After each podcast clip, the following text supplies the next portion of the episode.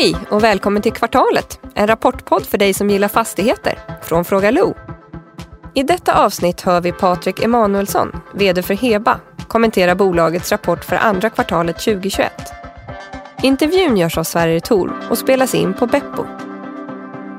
Heba Fastighets AB äger och förvaltar bostäder och samhällsfastigheter i Storstockholm och Uppsala. För andra kvartalet 2021 gjorde bolaget en vinst om 264,4 miljoner kronor efter skatt. Motsvarande 3 kronor och 20 öre per aktie. Driftnettot blev 79,7 miljoner kronor och förvaltningsresultatet 58,3 miljoner kronor. Överskottsgraden hamnade på 69,2 procent. Hebas sammanlagda fastighetsvärde uppgår till 12,9 miljarder kronor och det egna kapitalet till 6,4 miljarder. Soliditeten är 46,4 procent, räntetäckningsgraden 4,6 gånger räntekostnaderna och belåningsgraden är 42,9 procent. Långsiktigt substansvärde är 95 kronor och 93 öre per aktie. Bolagets VD är Patrik Emanuelsson.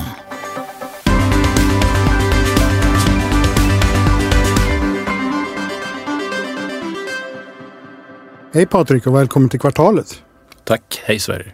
Kul att ha dig här. Ja, jättekul att vara här igen. Kul att ses igen. Hörru du, tycker att vi börjar med Niklas Höglund på JLL som har gjort en liten analys. Mm.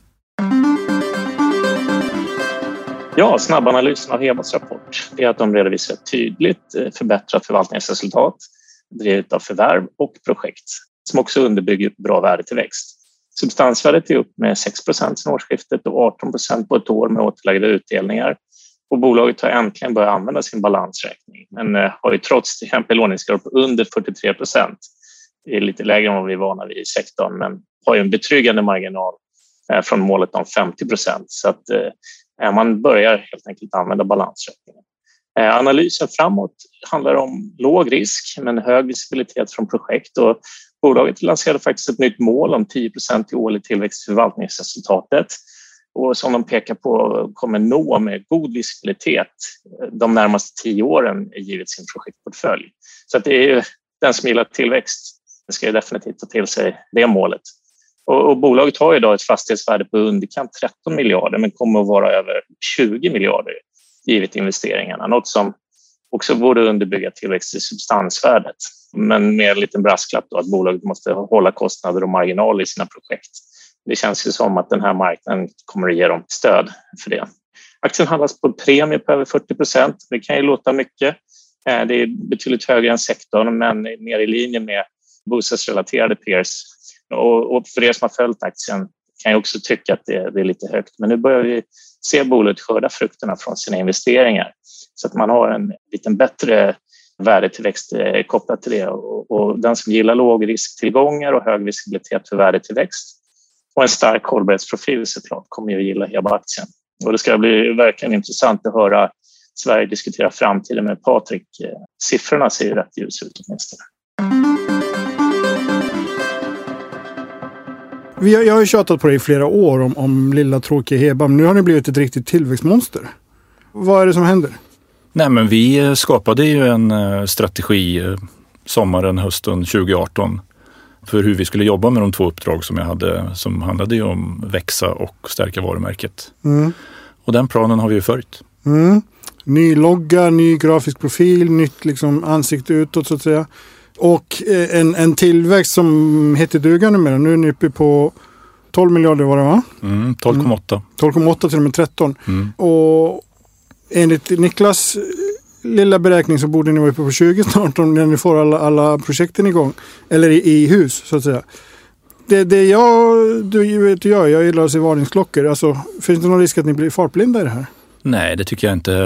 Det ligger ju inte i vare sig i min personlighet eller i bolagets eh, kärna eller hos styrelsen. Mm. Så att, eh, det tycker jag inte. Och, och eh, om man tittar på liksom de riskscenarier vi jobbar med så är det ju ändå så att vi är ju mest motståndskraftiga av alla bolag i princip, eh, även om de slår in. Mm, mm. Men, men det är mycket nytt som har hänt nu. Det är mycket, ni har liksom tagit, börjat finansiera det på marknaden istället för, för bara bank. Ni har ingått en, en, en jäkla massa even. Ni, ni har eh, börjat bredda, ni ök, lägga till kommuner, Enköping Ja. till exempel. Mm. Om, om man börjar där geografiskt, ser ni liksom att ni kommer bredda ännu mer? Jag tänker Örebro, Norrköping typ. Vi har väl sagt så här att tillväxtorter i Mälardalen där vi kan liksom nå på en timme. För då kan vi fortfarande jobba med vår, vår egen förvaltningsorganisation Med flyg eller tåg. med bil. Bil. med miljöbil. Okej. Nej men eh, och, och det är ju för att eh, vi är ju väldigt effektiva i vår, vår förvaltning och eh, vi pratar ju nyproduktion och då behöver man ju en två, tre år eh, för att sätta en stabilitet i en fastighet för att vara säker på att man jobbar så effektivt som möjligt. Mm. Och under den perioden ska vi göra det i egen regi, åtminstone under den perioden. Och om vi då skapar ett, ett bra bestånd som hänger ihop och när du åker dit eller liksom därifrån och så vidare. Så, så någonstans runt en timme. Mm. Mm. Och tittar man på, på de ställen som vi tittar på så klarar man sig att komma till Stockholm på en timme. Både med, med bil och, och faktiskt med eh, spårbunden trafik. Mm. Så vi är jättenoga med det och vi är jättenoga med att husen ligger i närheten av spårbunden trafik i de här orterna dessutom. För Mm. annars så tappar man ju det där om du behöver göra något extra moment när du är i Enköping för att ta dig till centralstationen. Då har man ju liksom tappat hela finessen kan jag tycka. Mm. Så att vi det där har vi alltid varit noga med i massor av år. Så stationsnära lägen är, Ja. liksom, är, är ett kriterium för Ja. det. Mm.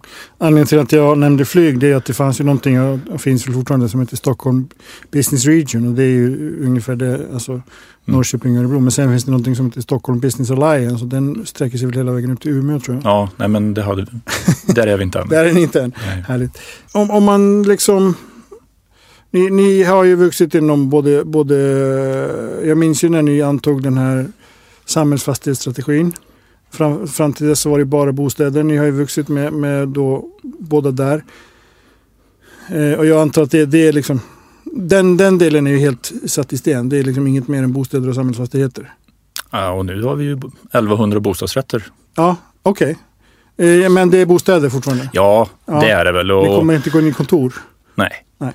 Det är ju också så här att man, man måste ju vara ödmjuk också att det är ju faktiskt olika kompetenser. Mm. Jag menar, jobba med uh, uthyrning av bostäder eh, och förvaltning kring det, det är en kriterie. Att jobba med den typen av samhällsfastigheter som vi har också ringat in, det har vi ju väldigt bra koll på vad det innebär. Men jobba med kommersiella fastigheter på ett mer aktivt sätt på en, en marknadsstyrd eh, eh, helt marknadsstyrd situation. Det är helt annorlunda och det, det är en kompetens som vi är väldigt få i organisationen som har. Eh, Så ska man ge sig in där, då får, det, det är en ganska kraftfull förändring i strategi och det, det ligger ju inte för oss. Det är inte så vi jobbar. Utan vi, vi ska vara världsmästare på de, i de kriterier som vi är Mm. inom. Mm. Okej, okej. Dessutom så ko- kontorsbranschen kommer ju, är min uppfattning, att vi kommer ju ha ett antal år där, där, där det kommer att vara en situation som innan det här stabiliserar sig, som säkert kommer innebära en ganska kraftig prispress på, på hyror och så. Mm. Så att, eh, så att nu skulle det inte vara så lämpligt oavsett. Mm. Apropå det, jag, måste bara fråga, det slog mig nu. Jag frågade, jag pratade med Carola Levén på Beskab i, i podden här för en vecka sedan ungefär. Och, och då pratade vi lite om just det här med att bereda arbetsplatser i, i bostadsrättsföreningar. Eh, kan det komma, eh, alltså ser du framför dig att det, man, man kan se en sån utveckling i hyresrättsfastigheter också? Absolut. Jag kan tänka mycket väl tänka mig att man har eh, som ett litet eh, kontorshotell i en hyresbostad. Men då kanske det är en eller två eller tre, fyra arbetsplatser. Det, det behöver inte vara mer, men att det är ett ställe. Det har vi sett i någon eh, markanvisningstävling vi har varit med i Okej. redan för ett år sedan drygt. Mm. Och det känns ju inte helt osannolikt. Nej, för det är ju nå- vi, vi går ju mot en utveckling, det har vi pratat om i, i de här poddarna vi gjorde i Hebas regi. Att, att vi kommer ju gå mot någon form av liksom arbete hemma, större lägenheter och så vidare. Ja, större lägenheter har vi ju, vi som har jobbat med de här väldigt länge, det har vi ju vetat hela tiden att det vill ju egentligen alla ha. Mm. Eh, Men att man har blivit hindrad på grund av tillgängligheten och hyresnivåer och vad det kostar att köpa och så vidare. Men, men tittar man på, på behoven och kötider och så vidare har ju stora lägenheter alltid haft ett väldigt stort behov. Att Mm. många har haft behov av det. Så, att, så det, det är jag inte förvånad att nu har det ah, liksom accentuerats här med, med pandemin. Då. Så nu blir det så väldigt tydligt att många upplever att de bor för tajt. Och, och sen då man kan lösa en del av behovet med arbetsplatser i, bottennivån till exempel. ja, plus att något. man får någon, eh, kanske träffar likasinnade så att man inte sitter ensam. Mm, mm. Det är väldigt intressant det där. Det är, det är, intressant vad som kommer att hända just på, på kommersiella marknader. Men det ska vi inte prata om idag. Nej. Hörru du, de finansiella målen. Mm. Eh, kan du dra igenom dem bara snabbt? Ja, men de finansiella målen då som vi har nu, det innebär ju egentligen att eh, vi ska klara av att ha en årlig tillväxt på 10 procent på vårt förvaltningsresultat. Eh, samtidigt som vi bibehåller den starka balansräkningen, det vill säga att vår eh, belåningsgrad ska inte över tid överstiga 50 procent. Mm. Och sen så säger vi också att, att våra nyinvesteringar eh, ska ju ge en, en förbättrad intjäningsförmåga eller, eller det jag säger egentligen bättre verkningsgrad. Det innebär att över tid så ska ju förvaltningsmarginal, överskottsgrad och direktavkastning bli bättre med de nyinvesteringar vi gör. Mm. Och sen det inte minst viktigt, eh, eftersom vi nu mer aktivt jobbar med aktieägarnas pengar så är det ju absolut rimligt att aktieägarna får sin utdelning. Mm. Även när vi är i tillväxt. Jag känner ju till andra bolag som säger ja men nu är vi i tillväxt så nu får vi vara lite försiktiga med utdelningen. Mm. Eller delar ut ingenting. Ja. Mm. Men där är det ändå bolag som kanske har en större, starkare, ännu starkare huvudägare så att säga. Men eh, just belåningsgraden, alltså ni har ju historiskt sett, är ni ju tillsammans med huvudstaden det, det bolag som är absolut starkast vad gäller de balansräkningsnyckeltalen. Ser du, nu, nu bara var tvungen att kika här för säkerhets skull, ni har 43, 42,9 belåningsgrad. Mm. Ser du att det finns ett utrymme då för ännu snabbare tillväxt liksom inom de här eh, finansiella målen? Eller är det bra att ha den här bufferten på, på 7-10 procent? Alltså tittar man med liggande portfölj som vi har, mm. eh, som idag är 1100 lägenheter plus, plus 1500 eh, i våra given, så har vi ju en, en täckning de närmsta åren fram till 2027-2028 där vi klarar med redan liggande plan de här 10 procenten. Mm. Och, och ska man då balansera det här mot en stark balansräkning, då får man ju hela tiden säkerställa att vi ligger på rätt sida och så vidare. Så att eh, vi vet väl ganska väl vad vi har för utrymme under de närmsta åren och varje år att mm. investera och ändå vara säker på att vi är på rätt sida. Mm. För er som inte såg vad som hände i studion så gjorde Patrik en sån här balansdans när han pratade om att balansera. kan du beskriva vad en balansdans är? Gungade till lite. ja, nej men alltså det, det är ju liksom om man inte har några restriktioner på sin, sin balansräkning så då är det ju liksom bara att gasa. Men, men vi har ju sagt att vi är ett starkt finansiellt bolag där mm. vi kan visa att vi kan, vi kan jobba med en, ändå en stark kontinuerlig tillväxt på, på över 10 procent men behålla den starka balansräkningen. Det är ju det, det, är ju det vi vill signalera, det är väl det vi visar att det är så vi jobbar, det är det som är Heba. Vi försöker inte kopiera någon annan utan det här är Heba, det här är på Hebas vis, det är så här vi jobbar. Mm, mm. Och det, det, tycker jag är ju styrkan i de här nya finansiella målen som är satta. Det är att nu kan vi vara tydliga mot marknaden. Att det här är Heba, det är det här Heba gör och det är så här man levererar. Mm. Har du förväntningar på något annat, ja men då får du gå till ett annat bolag. Okej, okay, okay, Ser du framför dig att du säger att ni, ni har, har att göra i, i fem, sex år till. Ser du framför dig att, att det blir lite, kommer sakta ner lite nu i förvärvstakten eller? Nej, det kan jag väl inte se. Jag tycker vi har, vi har jobbat i ett högt tempo nu i snart fyra år eh, och, och det, det, ramlar in saker hela tiden. Och det är ju så, man måste jobba med ganska många saker samtidigt innan det blir ett utfall utav det. Så att, eh, mm. jag ser väl inte riktigt att vi förändrar det. Och sen tror vi ju mycket på att nu vi har ju gått ifrån liksom 100% förvärv till att vi faktiskt jobbar väldigt mycket mer med, med egen fastighetsutveckling. Okay. Vilket ju är över tid mycket bättre för du, då, då har du bättre kontroll på din egen kostnadsmassa. Och mm. Du styr ju in, inkomsterna bättre genom att jobba på det här sättet. På förvärvsmarknaden så när trycket ökar så ökar ju även kostnaderna mm. Mm. rejält. Mm. Jag vill prata lite finansiering och hållbarhet strax, men, men just det här med, med tillväxt och liksom personal, eh, liksom de resurser. Har, har ni dem tillgängliga? Kan ni, kan ni växa ut med de resurser ni har idag eller är Heba ett av de bolag som kommer behöva rekrytera? Alltså tittar man nu så, så har vi ju rekryterat ganska kraftfullt faktiskt. Vi är ju nästan 10 personer fler än vad vi var för ett år sedan. Mm. Och 10 personer på 40 personer är rätt mycket. Är rätt mycket. Mm. Och, um, så vi har ju stärkt uh, projektsidan har vi gjort rejält. Vi har stärkt uh, ekonomisidan. Nu har vi liksom massor av bolag som ska skötas och, och hanteras på ett schysst sätt och så vidare. Och vi har stärkt förvaltningssidan. Så att jag känner väl liksom så här att vi, ska vi, behöver vi rekrytera vet vi var det är någonstans och mm. det, det är under kontroll. Och för oss är det också så, eller för mig är det så att eh, med den typen av organisation vi är, där vi inte har några staber, så rekryterar jag otroligt vassa personer. Mm. Eh, med, med liksom eh, duktiga, drivande, kun, väldigt kompetenta och kunniga, vilket gör att då kan vi hantera det här. Vi kan vara väldigt nära det strategiska och väldigt nära det operativa samtidigt och snabb, snabb till beslut. För vi, vi är erfarna, kunniga och kompetenta inom det här området. Så att jag tycker att vi har förstärkt ganska mycket under senaste året. Så nu, nu känns det som att det är nu har vi det här under kontroll. Mm. Mm. Bra, eh, det är viktigt. Det, ja, personalen är det viktigaste. Alltså jag har en fantastisk organisation. Mm. Det mm. är faktiskt det är ett rent nöje varje dag att se alla dessa duktiga från fastighetstekniker, förvaltare, drifttekniker, energichef, mina ekonomer, alltså min ledningsgrupp. Alltså grym organisation rakt igenom. Och det är ju liksom, det är då man skapar resultat. Mm. Och det här är ju en hållbarhetsfråga egentligen. Det vilket, en av de viktigaste benen inom hållbarhet. Vilket för oss över till hållbarhetsfrågan. Mm. Du, du, har en branschkollega, Knut Rost, som tjatar om relationer hela tiden. Nästan så att man blir trött på det. Det, det är en viktig del i det här, speciellt när det har med liksom, de boende att göra antar jag. Att just ha, liksom, att inte behöva byta ut fastighetsskötare och så vidare regelbundet? Nej men absolut och, och ju, ju, duktigare fastighetstekniker man har desto nöjdare hyresgäster och desto lägre kostnader. Mm. Det är ju, och det är ju, jag, jag, brukar ju säga det att jag tror att det är vi som har mest nöjda kunder i förhållande till de fastighetskostnader vi har.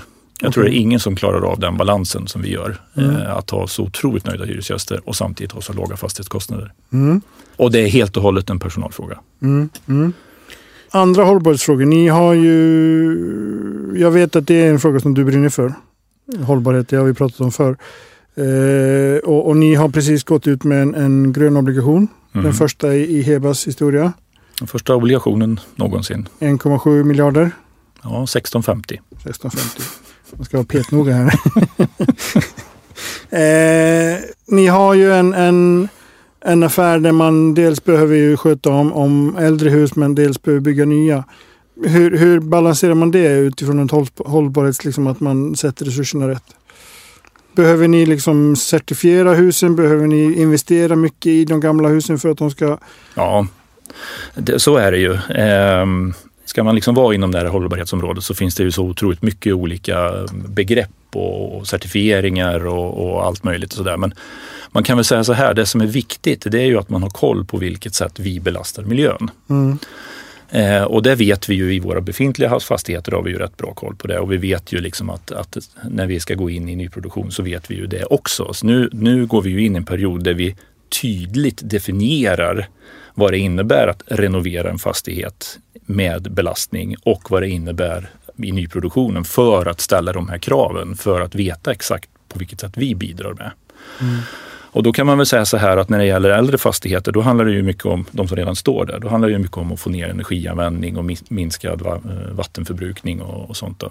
Och källsortering och sådär. Och det är vi ju jätteduktiga på. Vi, vi, eh, vi har ju en genomsnittlig förbrukning idag på 101 kilowattimmar per kvadratmeter, vilket är jättelågt som ett mm. genomsnitt trots att vi har mycket äldre fastigheter. Minskat med 4 procent i år. Och vi, nu, vi jobbar ju in även att vi byter ut eh, fjärrvärme mot eh, bergvärme och, och solceller, hybridanläggningar för att få så effektivt som möjligt. Och nyproduktionen handlar ju väldigt mycket om att ställa rätt krav från början. Mm, mm.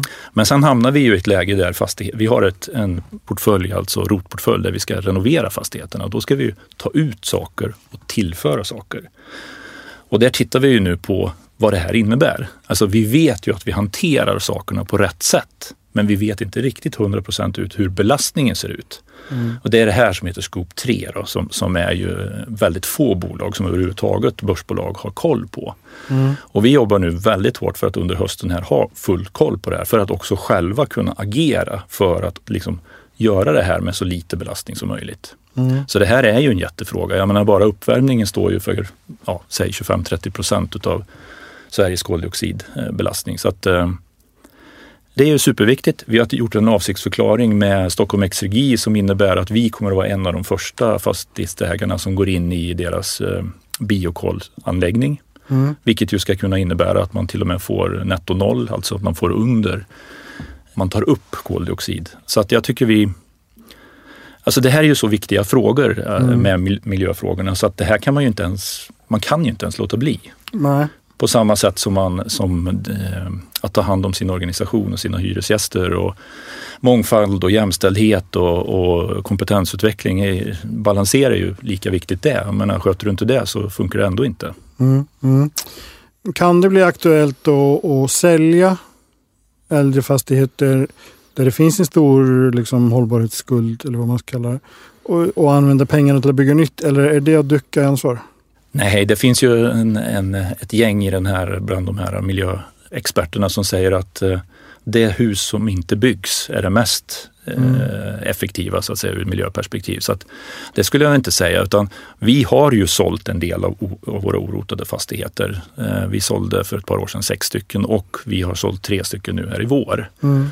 Och det är ju fastigheter som är i tiden för att renoveras och då är det ju så att säga upp till den nya fastighetsägaren att göra det så försiktigt som möjligt då så att det blir så effektivt som möjligt. Ställer ni krav på dem, alltså på den köparen att, att de visar, fram, visar att de kan göra det? Nej, det gör vi inte. Det gör vi inte. Och dessutom det är rätt, rent juridiskt rätt verkningslöst dessutom. Okay. Så att eh, nej, men det gör vi inte. Men sen är det klart att vi försöker ju, vi försöker ju så att det är seriösa, att vi säljer till seriösa aktörer.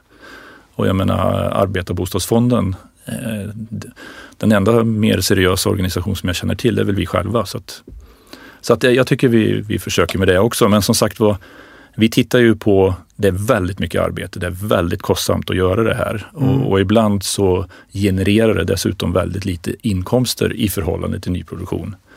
Och, och varje dag som man inte renoverar ett, ett, hus som är i tiden är ju en liten förlorad dag för imorgon kan det börja läcka vatten. Mm, mm. Så det handlar ju om att hitta den här balansgången och då kan det ju faktiskt vara så att eh, genom att sälja av någon fastighet då och då så kanske det blir mer effektivt för det är fler, fler resurser som kan jobba med dem mm. än när vi ska göra det själva som en, en liten organisation. Mm. Mm.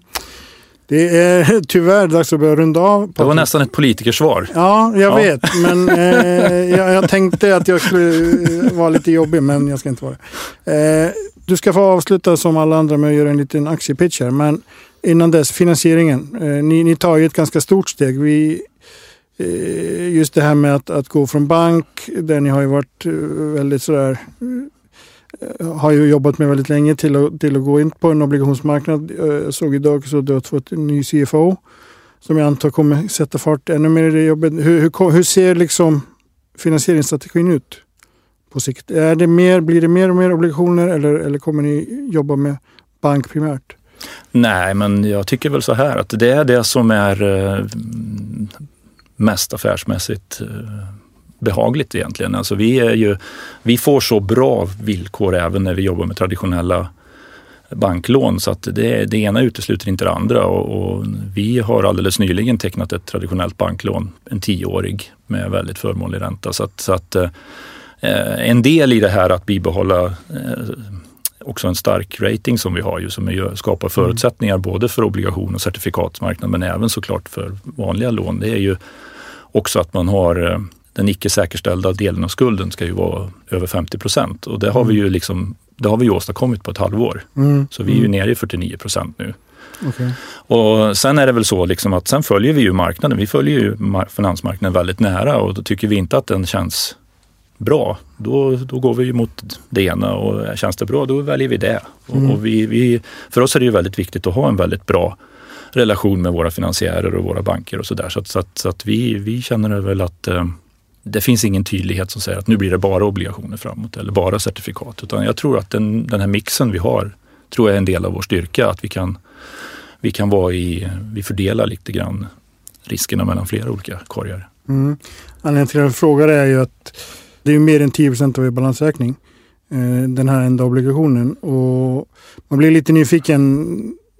Vad ska ni använda pengarna till? Är, det liksom, är de öronmärkta redan? Ja. Kan du berätta till vad? Nej, det är nyproduktion och eh, renoveringar okay. och eh, energiinvesteringar. I och med att det är grön obligation då, så, så är det väldigt eh, tydligt hur, mm. vilket regelverk det är. Och det är ju den stora portfölj som vi har, både när det gäller renoveringar och då måste de göras på ett speciellt sätt så att det visar energieffektivitet bland annat. Då. Men eh, nyproduktion. Okej. Okay, okay. Som sagt, det är tyvärr dags att börja runda av. Det, är alltid, det går ju så fort när vi pratar alltid Patrik. Eh, men du ska få, som alla andra, den här första säsongen och kvartalet, en minut på dig att berätta varför ska jag eller Mats eller någon annan köpa aktier i Heba. Ja, man ska göra det för att vi är det långsiktigt hållbara alternativet. Eh, vi kan klara av att ha en stabil tillväxt, en stabil utdelning, men ändå vara ett starkt, tryggt bolag. Vi har varit det i massor av år och vi kommer att fortsätta att vara det. Så vill man ha en stabil, trygg och långsiktigt hållbar, bra aktie i ett bra bolag, då är det Heba man ska välja. Härligt. Du, jag håller på att göra ett tjänstefel dock. Jag har inte frågat någonting om era nya storägare. Mm. Att få in en, en, en, aktör som SBB i Hebas, eh, vad, vad innebär det för bolaget? Det innebär att varje gång som jag pratar med någon så frågar de hur det är. det där var ett politiskt svar. Nej, men det är, det, är väl den, det är väl den stora skillnaden. Vi har haft ett par diskussioner med eh, SBB och eh, de har eh, signalerat att det är en finansiell placering mm. och att de vill att vi ska fortsätta som vi gör. Och det gör vi. Mm. Ja, men toppen. Stort tack Patrik. Tack så mycket.